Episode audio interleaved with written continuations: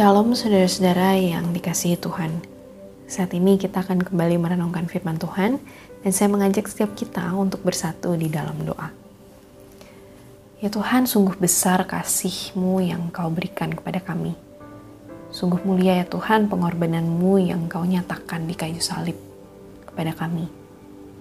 Sungguh berharganya ya Tuhan apa yang sudah Engkau perbuat demi kami orang-orang yang berdosa ini. Dan sesungguhnya Tuhan, saat ini tidak ada yang bisa kami lakukan selain memberikan sepenuhnya diri kami kepadamu, mengikut Tuhan, memberikan hati kami dan pikiran kami kepadamu. Dan khususnya ya Tuhan, pada hari ini kami ingin fokus untuk mendengarkan dan merenungkan firman Tuhan. Biarlah ya Tuhan di tengah keterbatasan kami ini, kami sungguh boleh dilawat dan dimurnikan kembali hatinya oleh Tuhan. Berfirmanlah ya Tuhan, sebab setiap kami telah siap mendengar. Di dalam nama Tuhan Yesus, kami sudah berdoa dan mengucap syukur. Amin. Saudara, mari saat ini kita membuka Alkitab kita dari Injil Lukas, pasal yang ke-23, ayat yang ke-50 sampai 56. Lukas 23 ayat 50 sampai 56. Adalah seorang yang bernama Yusuf. Ia anggota majelis besar dan seorang yang baik lagi benar. Ia tidak setuju dengan putusan dan tindakan majelis itu. Ia berasal dari Arimatea, sebuah kota Yahudi, dan ia menanti-nantikan kerajaan Allah. Ia pergi menghadap Pilatus dan meminta mayat Yesus. Dan sesudah ia menurunkan mayat itu, ia mengapaninya dengan kain lenan, lalu membaringkannya di dalam kubur yang digali di dalam bukit batu di mana belum pernah dibaringkan mayat. Hari itu adalah hari persiapan dan sabat hampir mulai. Dan perempuan-perempuan yang datang bersama-sama dengan Yesus dari Galilea ikut serta dan mereka melihat kubur itu dan bagaimana mayatnya dibaringkan. Dan setelah pulang, mereka menyediakan rempah-rempah dan minyak mur. Dan pada hari Sabat, mereka beristirahat menurut hukum Taurat. Saat Yesus melayani banyak orang dengan menyembuhkan dan membuat mujizat, banyak orang ingin menjadi pengikutnya karena terpesona. Akan tetapi saat ia ditangkap, semua orang meninggalkan dia, termasuk murid-muridnya. Setelah ia wafat, seorang majelis besar atau mahkamah agama Yahudi yang bernama Yusuf seorang asalnya dari Arimatea, ia pergi menghadap Pilatus untuk meminta mayat Yesus Kristus.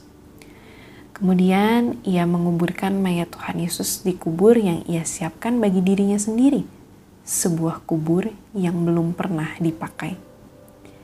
Perbuatan Yusuf dari Arimatea itu penting karena pada masa itu mayat orang yang mati disalibkan sering kali dibiarkan membusuk saja di atas kayu salib atau dimakan binatang buas bila tidak ada teman atau saudara yang meminta mayatnya.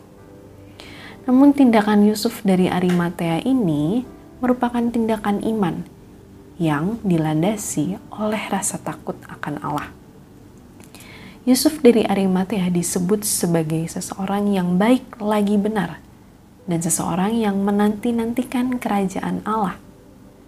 Terbukti dari perbuatannya yang mengurus dan menguburkan mayat Tuhan Yesus mencerminkan imannya kepada Allah. Tindakannya ini bisa saja membuat dia terancam mengalami perundungan atau mungkin dibully dari para pemimpin agama yang lain. Belum lagi dikatakan bahwa ia sebenarnya tidak setuju dengan putusan majelis yang menghukum mati Tuhan Yesus.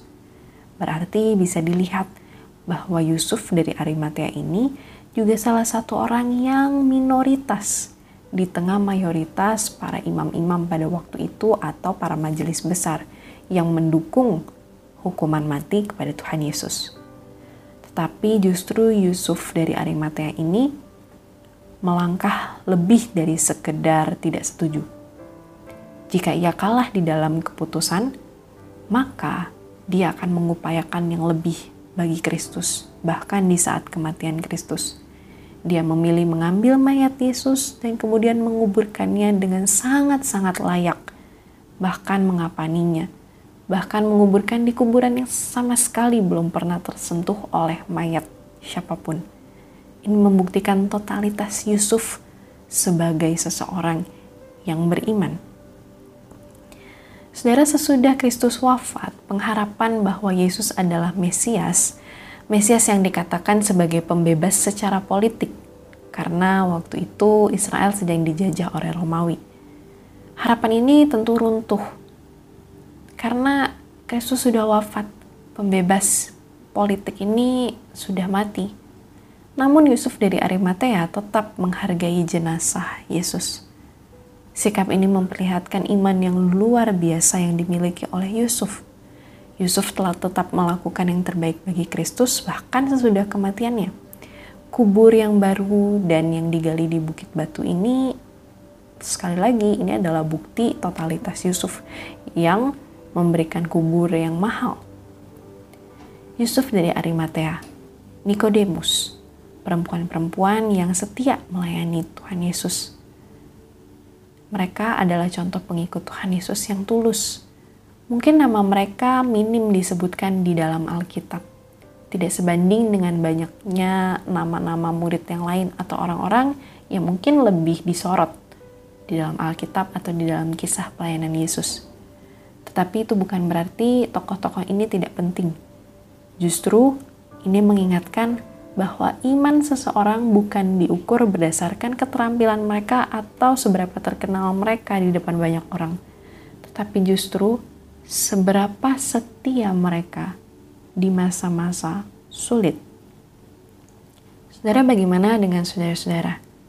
Apakah saudara tetap setia melayani Kristus, bahkan di masa yang sulit. Apakah masa-masa pandemi ataupun masa-masa krisis justru menjadi alasan bagi kita untuk setengah-setengah melayani Tuhan Yesus?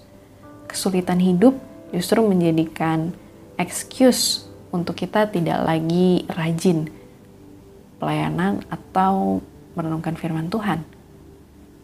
Saudara-saudara, saudara sendiri yang bisa menerima dan menilai diri saudara sendiri.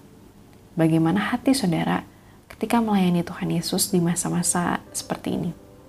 Apakah kita sungguh-sungguh melihat bahwa masa yang sulit sekalipun, waktu-waktu yang tidak mudah sekalipun, di situ justru iman kita mengikut Kristus semakin teruji. Di situlah kasih kita kepada Kristus semakin harusnya dinyatakan. Mari kita berdoa. Ya Tuhan, terima kasih. Terima kasih untuk kesempatan kami boleh kembali merenungkan firman Tuhan. Di waktu ini, kami ingin memberikan kembali ya Tuhan seluruh fokus dan diri kami kepada Tuhan.